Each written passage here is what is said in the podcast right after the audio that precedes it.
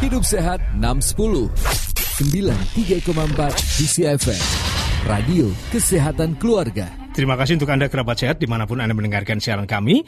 Yang jelas sampai saat sekarang ini Anda masih mendengarkan Hidup Sehat 610. Ini adalah sebuah radio show yang kami hadirkan setiap hari, setiap pagi jam 6 sampai jam 10 pagi bersama saya Budi Sunarso.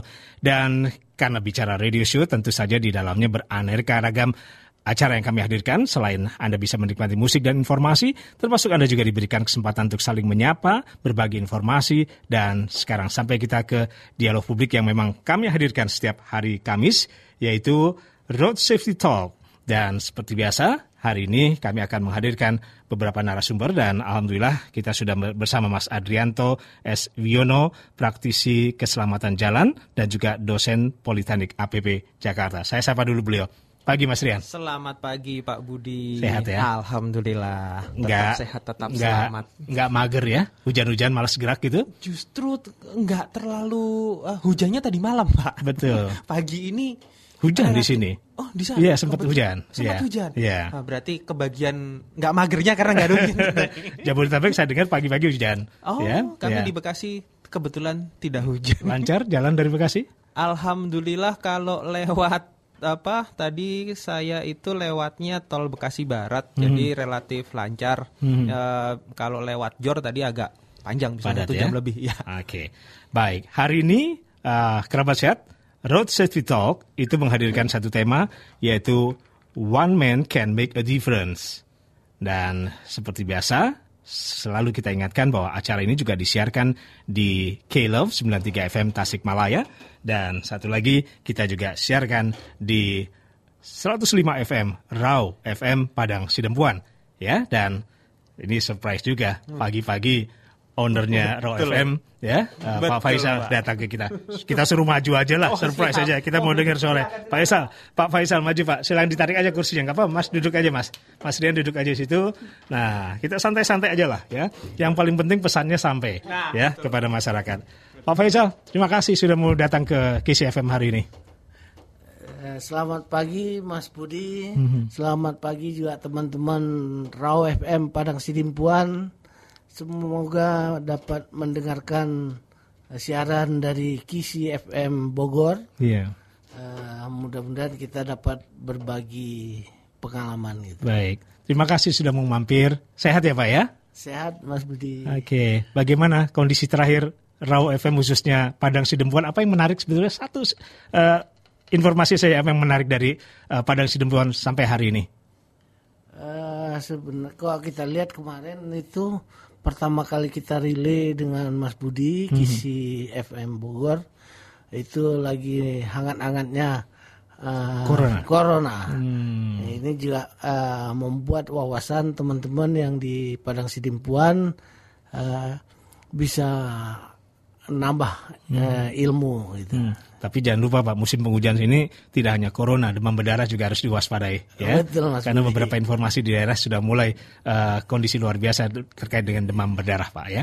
Oke, Pak Faisal, eh, Mas Rian. Jadi Pak Faisal ini adalah ya, owner lah dari Raw FM 105 FM eh, Padang Sidempuan. Apa yang mau disampaikan kepada beliau? Alhamdulillah, terima kasih banyak Pak Faisal. Ini eh, saya mendengar dari Pak Budi bahwasannya siaran kami yang tiap hari Kamis ini disiarkan juga sampai di sana. Eh, artinya harapannya ini salah satu bagian yang tadi Pak, one man can make difference. Beliau salah satu one man that make difference bahwa bis- beliau ikut berpartisipasi dalam menyebarkan hal-hal yang sifatnya eh, road safety. Ya mau ditolak bagaimanapun ya mohon maaf kalau ke Medan suasananya beda lalu lintasnya gitu Pak ya. Iya, iya, iya, iya, Ini- Jadi dengan harapannya dengan begini kita bisa sharing sama-sama apa pun yang eh, kita sampaikan di sini semoga juga bisa diterima dengan mudah dengan teman-teman di sana meskipun ada perbedaan budaya, perbedaan latar belakang tapi Insya Allah ya ini salah satu langkah sederhana yang kita bisa lakukan sama-sama. Seperti itu kira-kira. Terima Ya. kasih sekali lagi Pak. Terima kasih banget. Kalau bicara Padang Sidempuan, bagaimana masyarakat sana peduli terhadap keselamatan jalan, Pak Faisal? Kalau di Padang Sidimpuan mungkin kami masih eh, apa namanya kota Madia gitu. Mungkin belum terlalu padat dibandingkan Jakarta maupun Bogor. Eh, kalau Bogor tadi saya pagi-pagi terpaksa masuk dari tol supaya menghindari macet gitu. Iya, iya. Tapi kalau walaupun kota Madia kan bukan berarti kalau bicara keselamatan jalan kita nggak melihat kota kecil, daerah atau saya hanya mau ingin tahu bagaimana masyarakat di sana terhadap kepedulian keselamatan di jalan. Eh, kalau untuk ini apa namanya kese- keselamatan di jalan itu mudah-mudahan eh, sudah bisa teratasi. Eh, harus memakai helm gitu ya. Eh, apa namanya eh, tetap menjaga rabu-rabu lalu lintas, jangan balap-balapan gitu. Iya. Tapi kalau ini kita bukan mau berharap banyak kecelakaan di sana. Paling menonjol kalau bicara kecelakaan di jalan apa sih, Pak? Biasanya kalau di sana lebih menonjol itu yang masuk ke dalam ke jurang karena jalannya belok-belok. Oke. Jadi eh, suasana jalan kita di Padang eh, eh, Padang Sidimpuan ke Medan itu ada 8 jam. Dari Padang Sidimpuan ke Padang juga 8 jam. Itu jalannya berliku-liku. Itu mungkin yang sedikit agak rawan ke luar kotanya gitu, Pak. Oke, tapi kalau di dalam kota Madianya sendiri, Kalau di dalam kotanya jalan eh, relatif bagus ya, Bagus ya. tidak ada yang rawan gitu. tapi masyarakat peduli dengan keselamatan dirinya sendiri di jalan. Alhamdulillah masih tercover ya. Masih tercover ya. Oke, baik. Kita sesaat break dulu, Pak Faisal. Dan sekali lagi, eh, Mas Rian, kita tidak bersama Pak Faisal saja. Hari ini yang menarik, nih apa nih mahasiswa-mahasiswanya Mas Rian dibawa ke sini ya, di sana sini suruh ikut siaran ya. Betul Pak. Oke, Eh, silakan diperkenalkan. Eh, kerabat sehat, ini adalah mahasiswa D1 Distribusi dan Delivery Politeknik APP Jakarta. Silakan Mas Rian, mungkin bisa diperkenalkan. Baik. Jadi ken- pertama kenapa kok saya ajak gitu eh, dengan temanya one man can make difference bahwa eh, satu orang itu harap saya saya sebenarnya ini mengutip dari kata-katanya Wilton Knight Pak. Wilton Knight itu di film Knight Rider zaman dulu mungkin nggak semuanya tahu gitu Iya, kan iya. Eh, pada waktu eh, Wilton Knight mau meninggal kemudian membuat mobilnya itu dia bilang dia memaksakan kepada eh, seorang bekas polisi untuk membantu dia. Saya bisa apa katanya? Loh, one man can make difference katanya. Satu orang kan bisa mengubah membuat perubahan yang banyak dengan dibantu tentunya dengan perangkat yang dibuat oleh Wilton Knight itu. Saya pikir ini eh, terjemahnya bisa sangat luas. Salah satunya eh, hal-hal yang mungkin selama ini kita pikir halnya sederhana, tapi sebenarnya mungkin itu dampaknya sangat-sangat luar biasa. gitu. Eh, dalam hal ini saya ajak mahasiswa saya, kebetulan mereka ini dalam mata kuliah K3, kesehatan dan keselamatan kerja, dan kebetulan juga mereka ini saya minta untuk buat campaign. Nah, campaignnya seperti apa dan sebagainya nanti biar dengar mereka ya. yang cerita. Biar mungkin memperkenalkan Oh diri iya, dulu masing-masing. dong ya. Oke, silahkan. yang satu-satu. berhijab warna apa? Hijau Tosca ya. Siapa namamu? Uh, perkenalkan, nama saya Salsabila Firdausi Nuzula. Uh, saya salah satu perwakilan dari mahasiswi di Politeknik APP Jakarta, program studi distribusi dan delivery. Oke. Panggilannya siapa? Salsa? Salsa. Salsa ya. Oke.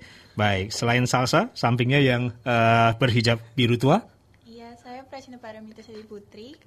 Hah, agak dekatan Saya ya. Prasina Paramita Sari Putri. Saya mahasiswa di Politeknik APP juga eh, di jurusan distribusi dan delivery. Saya di sini dengan campaign Gempa Bumi. Gempa bumi ya. Iya. Oke. Bagaimana perasaanmu pertama kali mengudara dan siaran? Mungkin mungkin bukan pertama kali juga atau sudah pernah sebelumnya? Deg-degan. Deg-degan. minum dulu deh, minum dulu ya, biar nggak deg-degan ya. Oke, Eh, Pak Faisal sesama eh, darah R nih, ya kan? Disapa juga biar biar biar biar klop lah teman-teman kita di K-Love 93 FM Tasikmalaya. Sesama orang radio silakan disapa. Eh, selamat pagi teman-teman Kilov eh, Tasikmalaya. Tasikmalaya. Mungkin salam kenal dulu dari saya Faisal dari Raw FM Padang Sidimpuan yang kebetulan lagi eh, berkunjung ke tempat Mas Budi di Kisi FM Bogor. Eh, mudah-mudahan nanti bisa sampai juga di Kilov Tasikmalaya. eh, Tasikmalaya. Iya. Dan sebaliknya, teman-teman Kilov kita tunggu juga silaturahmi kita ya. Sambil saya juga akan bersilaturahmi ke Tasikmalaya. Mau ikut Mas Rian? Boleh. Ya. Pakai motor kita, Pak. Oh gitu ya. ya. Oke Mas, Eh, yang menarik mungkin eh, buat pencerahan kita kalau bicara eh, distribusi dan delivery di Politeknik APP Jakarta ini seperti apa nih? Eh, apa istilahnya?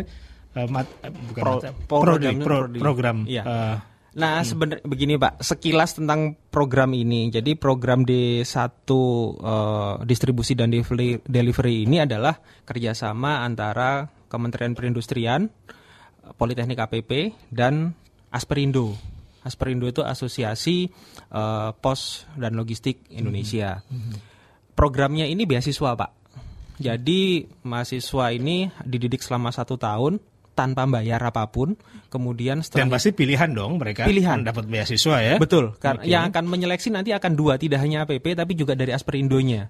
Dan mereka nanti akan di apa? diteruskan, akan dimagangkan di perusahaan di bawah Asperindo untuk kemudian nanti akan bekerja di situ juga. Nah, magangnya kebetulan di switch pada setiap eh, setiap semester ya, semester 1 nanti di mana, semester 2 di mana. Dan polanya sudah blok sistem tiga bulan di kampus, tiga bulan sudah di perusahaan. Seperti itu, jadi lebih lebih mendekatkan ke, eh, mahasiswa dengan dunia kerja. Seperti itu. Nah, kebetulan memang ada satu mata kuliah yaitu K3. Kebetulan pengampunya saya. Ya sudahlah, ayo saya ajak siaran. Itu, gitu. itu bahasa Indonesia yang baik dan benar ya, pengampu gitu ya. Ya, betul, saya, Pak. saya agak agak kurang fam- familiar nih mendengar kata-kata pengampu. Biasanya kita pengajar, dosen. Ya, ini ya kalau istilahnya yang selama ini digunakan yang lebih tepat adalah pengampu. Pengampu ya. Iya. Oke, saya aja kan kurang kurang gaul ya di dunia pendidikan. Oke, baik. Eh saya ke Salsabila, betul ya? Betul. Dan siapa? Maaf, Nana. Nana. Salsa dan Nana. Oke. Nana Anjang, Nana Endek. Iya, iya, iya. Oke, eh, distribusi dan delivery. Eh, walaupun nanti apa bidangnya yang ditangani road Ya. safety dan eh, gempa. Sudah berapa lama di di di eh, prodi ini? Sekarang masuk di pertengahan semester 2. Hampir selesai. Ya, Sa- sudah hampir selesai? Ya, nanti minggu depan akan ada UAS. Setelah UAS biasanya kami briefing magang. Hmm. Dan setelah itu kami magang selama tiga bulan. Oke. Ngomong-ngomong prodi ini kamu yang milih sendiri atau di bagaimana ceritanya kok bisa ada di, distri- eh, apa prodi distribusi dan delivery? Ya kalau saya pribadi itu memang milih sendiri prodi ini karena memang kuliahnya gratis, lulus lulusannya juga langsung penempatan kerja, jadi cukup worth it lah di zaman yang serba serba berkompetisi ini. Gitu. Gitu. Nana juga? Betul Pak. sama. Betul ya? Iya. Oke, nggak salah pilih? Enggak. Nggak. Eh salah satu tadi apa? Eh, jurusannya lebih ke road safety. Uh, Iya, pilihan campaign Pilihan campaignnya, sorry, pilihan campaignnya road safety. eh, kamu gempa ya? Awalnya kalau nggak salah bukan gempa road safety juga, Pak. Oh, Cuma gitu. karena satu dan lain hal kenapa, Pak, kemarin? Eh, jadi eh, ini tuh karena kan kenapa saya milih gempa karena eh, menurut saya masih banyak kampus-kampus dan tempat-tempat kerja lainnya yang masih belum s- belum membudayakan sadar sadar bencana alam. Ya, bukan maksud saya yang kemarin itu kan rencananya road safety tapi berubah itu karena karena apa? Nggak cukup waktunya tuh. Iya, jadi kenapa dirubah jadi road safety? Karena nggak cukup waktunya itu yang pertama, sama yang kedua, menurut saya ingin eh, beda gitu. Oh, oke. Ingin beda ya? Oke. Nana, Salsa, Mas Rian, Pak Faisal, kita break dulu ya. Baik. Kita kembali sesaat lagi. Sesaat lagi kita dengarkan kesaksian nyata pengguna Soman. Sakit stroke dengan darah tinggi sudah lima bulan Iya, ibu sama sekali tidak bisa berjalan. sama sekali tidak berjalan tiap kali minum lima tetes Lima tetes, Iya. satu botol sudah habis pak ya. Sudah habis. Sekarang ada nggak perkembangan dari ibu? ada perkembangan itu kaki dan dengan tangan sudah so, Bisa bergerak? so bisa bergerak sekarang so jam mulai dia masih di tate-tate begitu Tapi sudah ada bisa sudah, bergerak. sudah, ya? sudah dapat bergerak Hindari segala resiko gangguan kesehatan. Minum herbal tetes soman 10 tetes 2 sampai 3 kali sehari. Herbal Tetes Soman telah meraih penghargaan Excellent Brand Award EBA tahun 2017 dan 2018 sebagai merek produk terbaik kategori jamu herbal tetes. Dapatkan di apotik dan toko obat terdekat. Herbal Tetes Soman banyak menolong, tidak bohong. Halo kerabat sehat, kabar baik buat kalian semua yang sedang cari tempat kuliah kesehatan dengan banyak pilihan program studi, ya di IMDS. Kabar baiknya lagi telah dibuka program studi S1 Fisioterapi di IMDS dan pertama di Jawa Barat. Setelah lulus, kalian mempunyai kewenangan untuk praktek mandiri dengan lulusan diserap 100% di masyarakat. Ternyata fisioterapi masuk dalam pekerjaan 10 terbaik hasil survei CNN. Ayo daftar sekarang juga. Informasi lebih lanjut, hubungi marketing kami di nomor WhatsApp 0813 8371 8185 atas nama Herdi atau kalian daftar online di pmb.imds.ac.id. Kuliah kesehatan, ya IMDS. Institut Medika Dr. Gigi Suherman, integritas, entrepreneur, dan unggul. Hidup Sehat 610 93,4 DCFM Radio Kesehatan Keluarga Terima kasih kerabat sehat kalau sampai saat sekarang ini atau mungkin ada yang baru bergabung mendengarkan siaran kami. Ini masih rangkaian dari acara Hidup Sehat 610 yang mengudara setiap hari setiap pagi bersama saya Budi Sunarso sejak jam 6 pagi tadi. Dan setiap hari Kamis Hidup Sehat 610 menghadirkan dialog publik yaitu Road Safety Talk dan tema kita adalah One Man Can Make a Difference. Dan pagi ini Mas Adrianto S. Wiono, praktisi keselamatan jalan dan juga dosen Politeknik APP Jakarta tidak sendiri, tapi membawa mahasiswi-mahasiswinya uh, di D1 untuk prodi distribusi dan delivery dari Politeknik APP Jakarta. Dan surprise juga tamu istimewa saya dari Padang Seribuan Pak uh, Faisal. Faisal dari Raw FM 105 FM ya juga sempat hadir. Jadi kita ajak ngobrol-ngobrol juga ya. Uh, Mas Rian, kenapa kita mengangkat tema uh, one man can make difference. One man can make a difference ya. Apa yang yang menarik dan apa yang perlu dikritisi terkait tema kita hari ini? Uh, pernah waktu kita bahas 4E, Pak. Mungkin 4E. Bapak ya. Hmm. Waktu kita bahas 4E atau 4E itu bahwa E yang terakhir itu adalah everyone. Everyone. Artinya hmm. setiap orang sebetulnya bertanggung jawab atas keselamatan hmm. di jalan. Hmm. Uh, dalam hal ini kadang-kadang kita kan masih berpikir bahwa oh iya ini tanggung jawab Pak Polisi, ini tanggung jawab Dinas Perhubungan, Kementerian Perhubungan yang akan mm -hmm. dipikir seperti mm -hmm. itu. Mm -hmm. Bukan melihat bahwa ini adalah tanggung jawab bersama, ini adalah tanggung jawab kita termasuk yang harus bertanggung jawab atas hal ini. Mm -hmm. Nah, uh, dalam hal ini saya pengen ngajak sih sebetulnya, pengen ngajak uh, kerabat sehat baik itu yang ada di Jakarta, Cibinong, Jabodetabek lah, lah hmm. gitu. Hmm. Kemudian termasuk yang di Padang Sidempuan di Raw FM hmm. ya yang uh, pendengar di Raw FM maupun di Tasik Malaya, Tasik Malaya di hmm. Kelov. Hmm. Oh ya, saya belum menyapa itu. Oh, ya, silakan disapa, disapa. Uh, salam selamat pagi, salam sehat, salam selamat uh, pendengar di Kelov FM Tasikmalaya dan Raw FM Padang Sidempuan. Mm-hmm. Tadi pagi belum sempat menyapa, saya sapanya baru sekarang. Mohon maaf telat. Mm-hmm.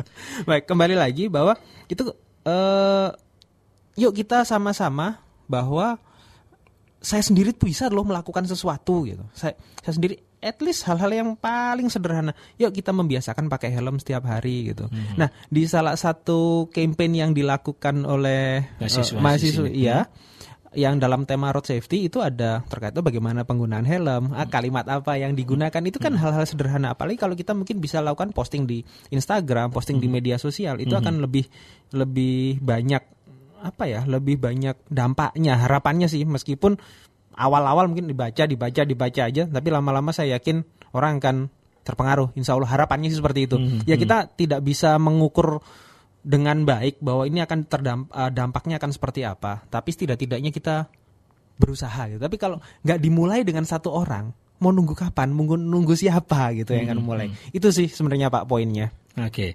Saya ke Salsa dan Anaya uh, sebagai bagian dari prodi distribusi dan delivery ketika uh, kalian berdua mendengar uh, campaign ini apa yang sudah terfikirkan? Oke, okay, dari sisi road safety saya akan berkampanye seperti ini. Dari sisi gempa saya akan menonjolkan ini. Apa persiapannya? Kalau dari kelompok saya itu road safety, kami lebih mengkhususkan campaign ini kepada para mahasiswa, baik itu di kampus kami Politeknik APP Jakarta ataupun di kampus lain.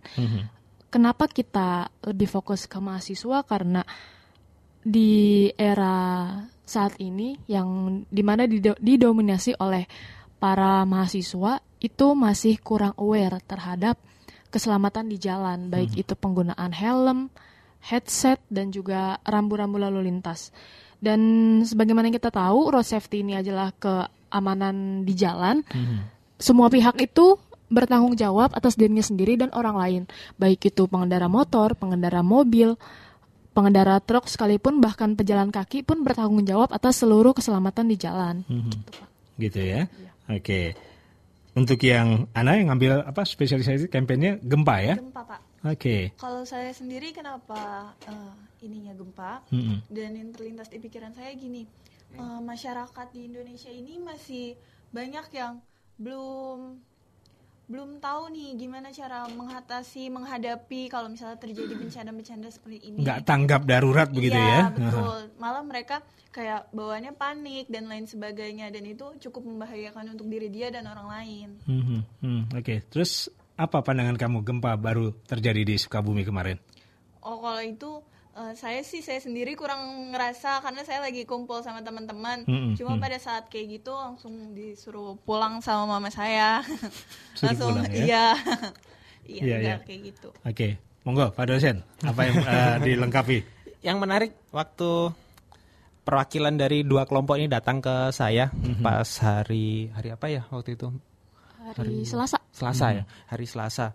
Nah, pas ngobrolin tema yang Anda angkat apa? Gempa. Pas hari itu gempa, Pak. Loh. ini Iya, iya. kok suatu kebetulan yang itu ya memang kami nggak nggak kerasa pada waktu itu tapi begitu lihat di di berbagai media bilang ada gempa wah kok ya ngepas mungkin ini satu hal yang menarik ketika untuk di di kampanyekan tentang bagaimana ini gempa termasuk kemarin saya bilang eh ketika gem- gempa ini kita nggak pernah bisa prediksi. Kemudian untuk keselamatan kita sendiri kita meletakkan kendaraan dan lain sebagainya. Kemudian titik-titik mana yang kita bisa letakkan dengan baik? Apakah di bawah pohon? Apakah nempel dengan dinding? Ternyata hasilnya adalah tidak ada pilihan yang tepat. Masa di tengah-tengah lapangan juga gitu kan? Ya kalau memang itu memungkinkan. Sedangkan di beberapa tempat malah disediakan tempat parkir khusus ya. Ya memang berisiko tapi kan tidak selalu ada gitu. Meskipun katanya di Indonesia ini menurut eh, data adalah yang salah satu yang terbanyak sehari bisa apa ratusan bahkan ribuan gempa kecil-kecil yang kita mungkin tidak sampai merasakan seperti itu. Tapi oke lah kalau gitu kita angkat sama-sama. Dan sebenarnya awalnya eh, yang gempa ini awalnya adalah mau angkat road safety karena ada salah satu anggota kelompoknya yang terlibat kecelakaan.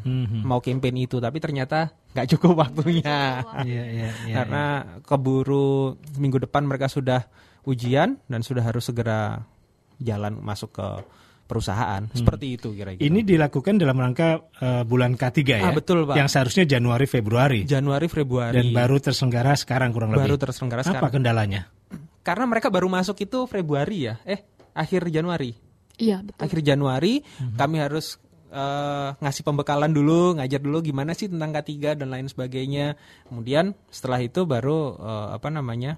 mereka action untuk membuat tugas ini Ya, dan harus campaign. Kenapa? Ya tadi one man can make difference. Satu orang menginisiasi, lanjut. Ya, saya menginisiasi satu, mahasiswa saya di bawah saya ada 30 orang ya. 30 orang kan bergerak. Seandainya dari mereka satu orang saja mau bergerak lagi, mungkin punya komunitas lagi, makin besar Pak. Insya Allah dampaknya sangat-sangat luar biasa sih. Sebenarnya harapannya seperti itu. Kita tidak akan mengharap, saya nggak bisa mengharapkan bahwa 30-30-nya akan eh, ikut program saya gitu, Mhm, akan mengikuti eh, se road safety bersama saya. Saya tidak bisa memaksakan itu, tapi paling tidak adalah yang nyangkut gitu. Itu kira-kira, Pak. Ya, sekali lagi ke Salsa. Kalau Salsa dengar kata-kata road safety, sekali lagi yang paling eh, urgent, yang harus segera dibenahi dan menjadi perhatian yang serius dari eh, masyarakat, apalagi teman-teman mahasiswa yang jadi sasaran eh, Salsa sendiri. Kira-kira apa sih yang harus paling utama dikedepankan supaya mereka lebih aware terhadap keselamatan di jalan? Eh, hal yang pertama yang kami lakukan untuk campaign ini adalah kami melakukan survei. Survei ini kami buat di Google Form dengan poin-poin eh, seberapa penting bag- K3 bagi teman-teman, lalu apa itu K3 dan seperti penggunaan helm, penggunaan headset serta memahami rambu lalu lintas. Dari ketiga hal tersebut cukup mencengangkan karena ada beberapa fakta bahwa mahasiswa yang pergi ke kampus eh, cukup banyak yang tidak menggunakan helm dan ada ada ada pun yang menggunakan helm itu menggunakan headset di telinganya. Jadi dua hal ini yang merupakan sasaran kami untuk memakai helm dan menghindari penggunaan headset saat berkendara. Mhm. Campaign ini ber- sudah berapa lama dilakukan, Salsa? Kampanyenya kami baru melakukan survei pada hari Selasa. Kemarin ya? Ya, Selasa kemarin sampai Rabu malam itu terkumpul sekitar 100 lebih survei dari para mahasiswa baik itu mahasiswi mahasiswa-mahasiswi Politeknik APP Jakarta dan sekitarnya di Jabodetabek. Dan itu sih, Pak. Jadi setelah survei kami akan buat banner dan stiker Hmm. gitu. Apa pertanyaan paling eh, menonjol ketika survei ini dilakukan ke teman-teman mahasiswa? Pertanyaan yang paling menonjol itu penggunaan helm dan penggunaan headset saat berkendara. Jadi banyak mahasiswa yang jarang menggunakan helm karena alasan yang cukup sepele. Eh, alasannya karena dekat, lalu karena kalau untuk penggunaan headset karena untuk mengurangi stres di jalan raya gitu, ke- stres kemacetan jalan raya. Jadi dua hal itu sih. Pak. Iya. Terus bagaimana eh, Salsa ngelihat dua perilaku tadi? Kalau menurut kelompok kami dua perilaku itu eh, cukup beresiko sih pak. Kayak penggun- tidak menggunakan helm, kita kita nggak tahu kapan kapan diri ini selamat, kapan diri ini kecelakaan kita nggak tahu. Tapi satu hal yang bisa kita lakukan adalah kita melakukan antisipasi, antisipasi diri sendiri untuk menggunakan helm, untuk kesadaran keselamatan kita juga keselamatan orang lain gitu pak. Dan untuk penggunaan headset ini, saya rasa kurang baik jika di jika dipakai saat berkendara. Kenapa? Karena penggunaan headset ini mengurangi kemampuan kita untuk mendengar karena kuping tertutup headset yang bermusik ada suara itu mengurangi konsentrasi, mengurangi mengurangi kewaspadaan dan bisa menyebabkan kita menjadi kurang refleks. Misalnya kayak ada orang menyeberang jadi kita pakai headset gak begitu enggak jadi kurang refleks. Ya. Artinya semua yang diingatkan oleh Salsa itu tadi kan buat keselamatan dirinya sendiri dan juga orang lain. Sejauh Betul. ini sudah mulai ada protek-protek ketidaksukaan dari mahasiswa? Belum, Pak. Belum ya? Oke, tapi ada tanda-tanda? Sepertinya. Sepertinya. Apa contohnya tanda-tandanya? Eh, mungkin dari gestur tubuh atau dari aura muka gitu? Lebih ke aura muka. mungkin, Aura muka. Iya. Kenapa sih muka-muka mereka asem gitu? Iya kayak mungkin eh, banyak yang pakai headset Mm-mm. dan nggak pakai helm juga jadi merasa mungkin mereka mer- sedang mengintrospeksi dirinya kita kan harus positif thinking ya Betul, pak betul. mungkin dia sedang mengintrospeksi diri gitu Oke. mungkin eh, ya lambat laun mungkin mereka akan mengubah perilakunya Iya, iya. Mesti dibantu sholat malam juga tuh ya. Iya, iya. Kita ke gempa. Eh, ya, sejauh ini apa yang sudah dilakukan Ana kalau bicara eh, gempa ini? Oh iya, kita sendiri eh, untuk edukasinya biar lebih meluas, Mm-mm. kita itu me- melalui media.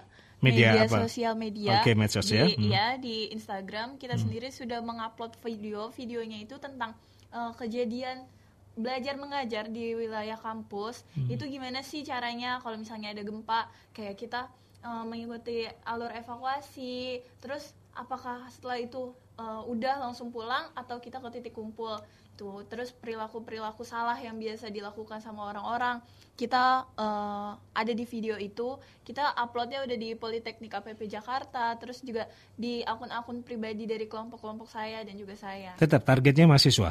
betul. Se- sebenarnya lebih ke mahasiswa dan eh, masyarakat luas karena kan kampus itu nggak cuma di eh, kampus saya aja dan followers followers kami juga bukan cuma di kampus Politeknik APP aja Mhm. ada yang dari berbagai kampus dan ada yang dari kantor kan kalau misalnya di kantor juga eh, ada jalur evakuasinya ada yang di lantai satu dua tiga gitu Betul.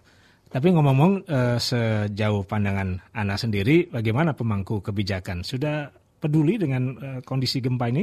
Edukasinya barangkali? Oh iya, kalau misalnya untuk edukasinya sendiri di sini masih banyak yang belum mengadakannya Pak ya. Uh, tapi saya sendiri kan kebetulan juga sering ngisi materi untuk di organisasi saya Mhm. ke rumah sakit dan kantor-kantor untuk materi gempa bumi dan edukasinya gini karena kebetulan saya merupakan anggota Palang Merah Indonesia juga Oke. Pak. Dalam bentuk apa itu edukasinya?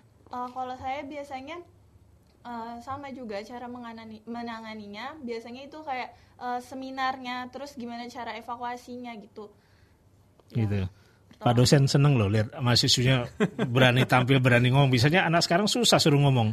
Kalau bukan ngobrol sama sesamanya ya.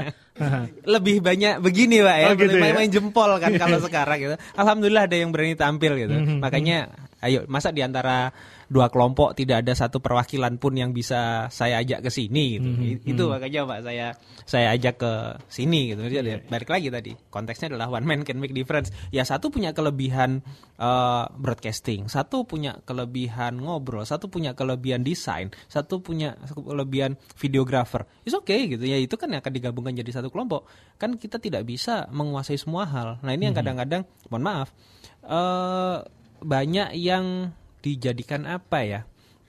Oh, eh, banyak orang mengharapkan satu orang bisa semuanya. Enggak. Ya ini satu orang membuat perbedaannya seperti apa?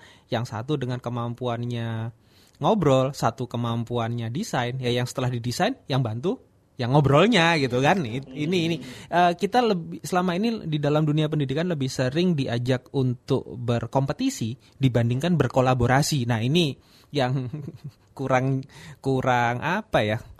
Dari kecil kita, oh lihat tuh si adikmu kayak gini, kakakmu. Di-compare ya, Pak? Eh, di-compare terus. Di-compare, betul. Sakit ya. Sakit bener Pak, kalau Di-compare. di-compare. Di-compare tuh sakit gitu ya. Pa- Padahal tiap orang beda-beda kan. beda-beda. Iya. Hmm. Itu kira-kira, Pak. Jangan samakan gitu ya. Oh, jangan samakan. Iya, iya. Tiap orang Oke, eh, kita break dulu. Siap. Sesaat, sesaat lagi. Tapi sebelumnya nanti kita mau dengar dulu Pak Faisal gimana melihat adik-adik kita, anak-anak kita mahasiswa ini berani bicara, eh, apalagi ini kan bidangnya spesifik sekali gitu ya. Satu ngomongin road safety, satu ngomongin gempa. Anak-anak sekarang lebih baik ngomongin mall kali ya gitu ya, enak gitu ya. Hang out ke mana gitu daripada seperti mereka. Apa Pak komennya sedikit Pak Faisal? Eh, mungkin saya melihat sangat menarik sekali ya eh, teman-teman eh, dari Politeknik APP dengan semangatnya. Kata Pak dosen tadi tidak hanya main gadget tapi berani tampil. Saya juga mengharapkan teman-teman dari Padang Sidimpuan Hmm. ikut bisa mencontoh teman-teman dari Politeknik APP ini. Uh, di Sidimpuan banyak juga universitas seperti IAIN, Geraha Nusantara, UMTS dan masih banyak beberapa perguruan tinggi lain. Saya sangat mengharapkan bisa terbuka wawasannya dengan teman-teman yang ada di eh, Jakarta, Bogor maupun Mhm. eh, dari tempat lain. Ya, intinya Pak Faisal mengajak siapa pun untuk juga turut berperan dalam keselamatan tadi ya Pak ya. Betul. Oke. Mas, kita break dulu ya. Oke, kita akan kembali sesaat lagi. Anda mau ikut ngobrol-ngobrol kita? Masih ada waktu loh, silakan. Anda bisa eh, WhatsApp kami di 0877 80.934 0877 80.934 dan hari ini eh, Kamis pagi Road Safety Talk bagian dari Hidup Sehat 610 menghadirkan satu tema One Man Can Make a Difference. Sesaat lagi kami akan kembali. Kita semua punya barang-barang favorit. Semua barang bikin enjoy, semua barang punya cerita. Tapi kadang semua jadi menumpuk. Cuma kalau dibuang, sayang. Ya, barang favorit yang menumpuk tidak perlu dibuang. Cukup disimpan di unit rak John Axel dari IKEA supaya lebih tertata dan ruang di rumah jadi lebih leluasa. Dapatkan 10% cashback IKEA gift voucher untuk pembelian rak John Axel. Minimum belanja 1 juta rupiah dan kelipatan berlaku hingga tanggal 22 Maret 2020. Tunggu apa lagi? Pastikan barang favorit kamu tersimpan dengan baik di unit rak John Axel. Penawaran ini berlaku untuk pembelian di toko IKEA Alam Sutra dan Sentul City atau belanja online di ikea.co.id. Penawaran John Axel ini hanya sampai 22 Maret 2020. Syarat dan ketentuan berlaku. IKEA, perlengkapan rumah dari Swedia. IKEA, hidupkan rumah. Internet buffer di saat lapar bikin kita kuper, ujung-ujungnya baper. Gabunglah bersama kami Geniper, generasi anti baper. Binetfit Homelink cocok banget untuk kamu yang suka internetan cepat. Dengan teknologi fiber optik, kecepatan internet kamu akan jauh lebih cepat dan stabil. Pelayanan 24 jam membuat kamu merasa nyaman melakukan aktivitas kamu dalam berinternet. Browsing, streaming, gaming, hingga aktivitas lainnya yang dapat kamu lakukan menggunakan pelayanan internet. Nggak sampai 200 ribu kok, kamu sudah bisa merasakan serunya internetan dengan kecepatan 10 Mbps. Tunggu apa lagi? Mau internet cepat dan sehat? Pilih Binetfit. Info lebih lanjut hubungi di 021 3973 9090 atau WhatsApp ke 0877 2009 0403. Binetfit Powered Internet. Syarat dan ketentuan berlaku. Hidup Sehat 610 93,4 DCFM Radio Kesehatan Keluarga Baik, kita lanjutkan kembali ke Mas Rian. Uh, bagaimana tadi mendengar mahasiswi Anda, termasuk sedikit komen dari Pak Faisal? Terima kasih Pak Faisal dukungannya gitu. Oh, iya. itu Pak yang sebenarnya diharapkan. Uh, kenapa pun yang kami pilih pun juga yang di D1 gitu kan. Hmm, hmm. Kadang-kadang D1 ini kadang-kadang pendidikan yang enggak nggak mau dilirik orang gitu ya. Gimana Kenapa- rasanya? Kenapa sih nggak mau dilirik? Eh, terdapat diskriminasi sih Pak Masya karena Allah. Hmm. diskriminasi Zaman karena- gini masih ada diskriminasi Iya, juga masih ya. ada karena D1 eh, D1 bisa apa kasarnya gitu. Jadi kayak Ini PR buat Mendikbud ya. Iya. Mas, Iya. Mas, Mas eh, Nadiem. Mas Mas Nadiem Menteri, ya. Mas Mas Menteri. Menteri. Mas Iya, Menteri. iya, iya. Kayak gitu sih Pak, lebih ke diskriminasi. Emang mau jadi apa gitu? Karena Mm-mm. karena emang faktanya banyak lulusan S1 yang sampai saat ini pun masih nganggur. Mungkin Betul. karena itu. Makanya Mhm. D1 ini eh, kurang dilirik bahkan eh, kita mengalami diskriminasi. Termasuk eh, ke sesama mahasiswa enggak juga kalau sesama mahasiswa atau masyarakat secara umum ya. Masyarakat umum sih Pak justru malah mahasiswa-mahasiswi di Politeknik APP Jakarta khususnya yang di D3 malah kayak wih D1 enak ya lulus langsung penempatan kerja gitu. Jadi kalau untuk lingkungan APP-nya sendiri itu cukup bagus, cuma untuk di masyarakat masih kurang kurang kurang memahami Pak, kurang kurang apa sih? Masih ada diskriminasi gitu, Gitu. karena Gitu Ana. Iya betul Pak. Jadi kalau misalnya orang-orang ya biasanya Umum ya, masyarakat Heeh, umum ya? Masyarakat umum itu biasanya komentarnya kenapa sih milihnya D1 kan nanggung gitu mending D3 kalau enggak langsung aja gitu ke S1 apa segala macam dan lain sebagainya. Tapi kalau misalnya mereka emang udah denger oh dapat beasiswa gini-gini baru keangkat. Tapi kalau misalnya tanpa si beasiswa itu tanpa ada eh, kerjasama dari Asperindo terus juga tanpa ada eh, oh di bawah Kementerian Perindustrian gitu itu mereka bakalan kayak lebih ngejatohin banget sih D1 tuh apa gitu PR buat kalian berdua ya. Iya betul. Iya. Untungnya kebantu Pak sama Kementerian Perindustrian karena kamp- karena D1 ini di kampus Politeknik APP Jakarta Mhm. di bawah naungan Kementerian Perindustrian gitu. Gitu ya. Untungnya ya. Untungnya kebantu sama titel itu Pak. Iya, iya, iya, iya, iya. Oke, kembali Mas Rian. Iya. Dilanjutkan. Ya, Hmm. Itu Pak, jadi kalau meli- eh, makanya saya ajak, udahlah langsung aja yang D1 gitu. Bahkan dulu kakak kelas Anda itu ada yang itu Pak, eh, kakak kelasnya itu ada yang sudah lulus S1, Mhm. ngambil lagi D1 di APP khusus untuk sup- Bisa dapat kerja. dapat kerja tuh alasannya seperti itu karena memang programnya program beasiswa nggak perlu bayar apa pun ya bayar kos buat tanggung sendiri lah gitu kan tuition Betul. tuition fee-nya free gitu kan gratis kemudian setelah itu nah, eh, apa namanya sekolahnya juga gratis habis itu lulus penempatan kerja itu itu itu sih jadi sebenarnya kami waktu itu kerjasamanya memang dengan Asperindo yang di bawahnya ada Mhm. yang kecil-kecil seperti apa JNE, JNT dan kawan-kawan lah yang kurir-kurir itu itu banyak eh, di sehingga mereka akan didistribusikan ke sana. Mhm. Kemudian setelah itu eh, ini pola ini kami sedang ubah ke tarik ke D3-nya. Jadi D3 akan diharapkan akan ber- dengan pola yang sama kurang lebih Hmm. sehingga bisa di di perusahaan juga akan merasakan di perusahaan itu seperti apa, merasakan di kampus itu seperti apa. Seperti Hmm. itu. Itu gambarannya eh, Iya. program ini sih. Jadi makanya kenapa saya tarik. Yuk, ini cerita Anda, Anda eh, apa yang bisa kita sampaikan bahwa ternyata di level D1 pun kita bisa campaign tentang road safety, tentang keselamatan jalan, tentang gempa, Gempa. tentang apa pun, Pak. Paling tidak karena ini di bidang saya, Hmm. sehingga ya saya ajak dalam konteks ini, dalam konteks road safety, seperti apa misalnya tadi helm dan lain sebagainya. Karena berkali-kali yang kakak kelasnya pernah buat seperti itu hanya pasang spanduk selesai, Pak. Dan sampai spanduknya rontok luntur gitu ya ya selesai gitu nggak tidak ada tindak lanjutnya nih Iya. kebetulan yang ini eh, ada prosesnya mulai dari survei dan lain sebagainya. Itu yang road safety yang gempa. Ini kan eh, saya harus bilang bahwa di APP sendiri belum punya video tentang gempa itu. Bagaimana penanganannya? Alhamdulillah mereka buat. Ya itu sebagai eh, tambahan juga buat kami. Jadi, kalau seperti ini kan jadi otokritik pak. Oh iya Hmm. ternyata kampus kami sendiri pun sebenarnya tidak siap-siap amat gitu. Mhm. itu kira-kira. Oke. Jadi sekali lagi tetaplah nggak usah minder ya. Oke. D1 bisa. Wah, D1 bisa ya. Iya.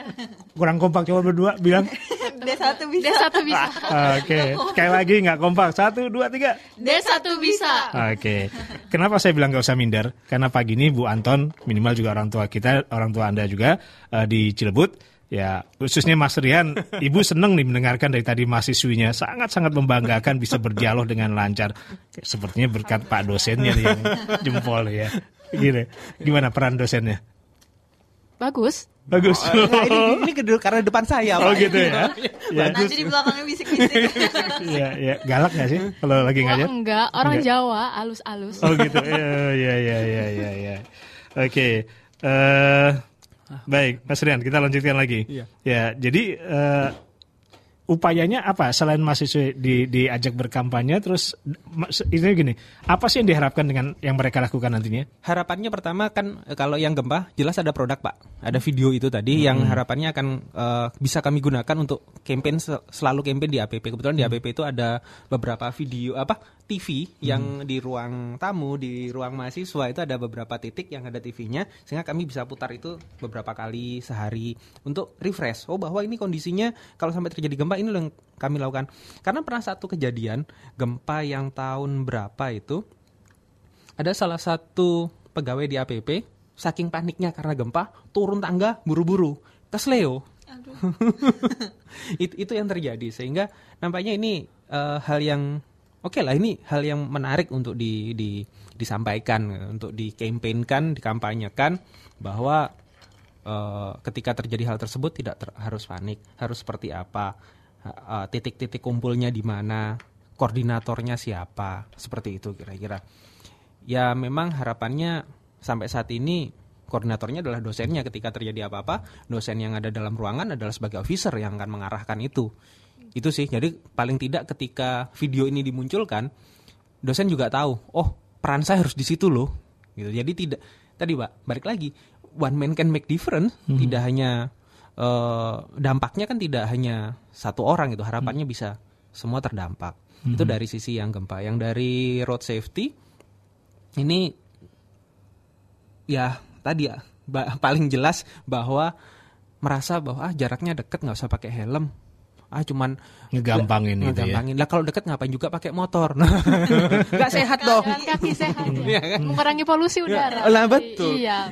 itu itu kira-kira alasannya seperti itu ya kalau pakai helm saya saya sendiri berusaha memberikan contoh meskipun saya dari kampus ke convenience store terdekat ke warung sekitar situ kalau saya mengeluarkan motor ya saya harus pakai helm itu ya masa iya saya ngomong kemudian saya nggak ngasih contoh kira-kira seperti Iya, itu betul. Harus jadi role model juga, Pak. Lah, Role model Maju ya. juga. Iya iya iya. itu itu poinnya sih pak jadi eh, target yang ditarget kalau yang tadi mereka bilang bahwa eh, yang ditarget adalah tem- paling tidak teman-teman sendiri gitu aware oh iya ya ternyata seperti itu ini bukan mengubah perilaku itu bukan satu hal yang sekali cetak jadi berubah gitu nggak mungkin butuh proses sehingga harus refresh refresh refresh refresh nah road safety pun demikian. Ini iklan harus di refresh gitu. Ketika mengiklankan tentang keselamatan jalan refresh. Nanti mungkin minggu depan apalagi temanya minggu depan apalagi ingat oh ya saya di jalan tuh perlu selamat saya perlu di jalan perlu selamat. Saya di jalan harus pakai helm oh harus pakai safety belt. Apa aja mbak yang dibuat safety eh, helm, Helm, headset, Headset, sama- eh, beratribut lengkap, jaket, Uh-uh. terus kayak memahami rambu lalu lintas. rambu lalu lintas. Itu itu yang dikampanyekan oleh mereka. Itu sering di refresh terus diingatkan ke teman-teman. Iya, salah satunya eh, kelompok kami ada sebuah slogan, Hmm. yaitu berkendara itu harus safety. Jangan sampai kamu ber- berkendara tapi berakhir di keranda. Gitu. Sekali lagi diulangi. Berkendara itu harus safety. Jangan sampai kamu berkendara tapi berakhir di keranda. Oke. Filosofinya apa tuh dari eh, tagline tadi?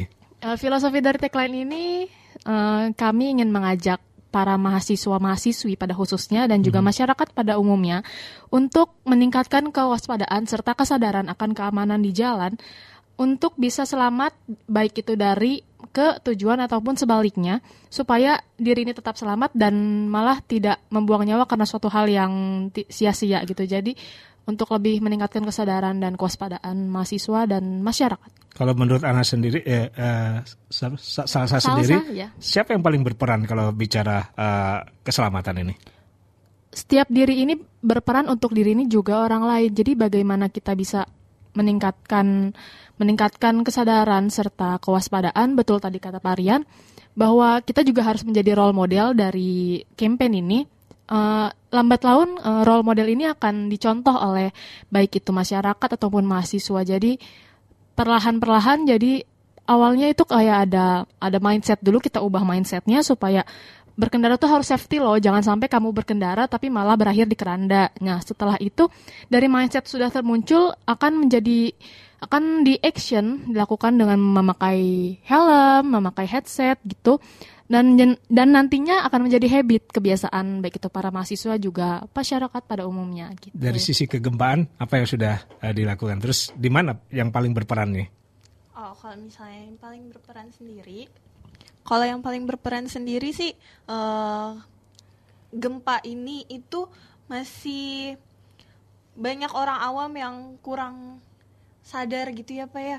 Jadi eh, kita di sini gimana sih kalau misalnya eh, biar nggak panik, terus juga eh, apa namanya eh, kita harus kayak gimana ke orang biar orang-orang juga nggak panik terus dari dari si dosen terus mahasiswa terus juga eh, untuk yang berkendara sendiri kalau misalnya ada gempa tuh harus kayak gimana? Nggak harus berhenti tengah jalan terus nanti malah ngebahayain orang kan? Nggak gitu.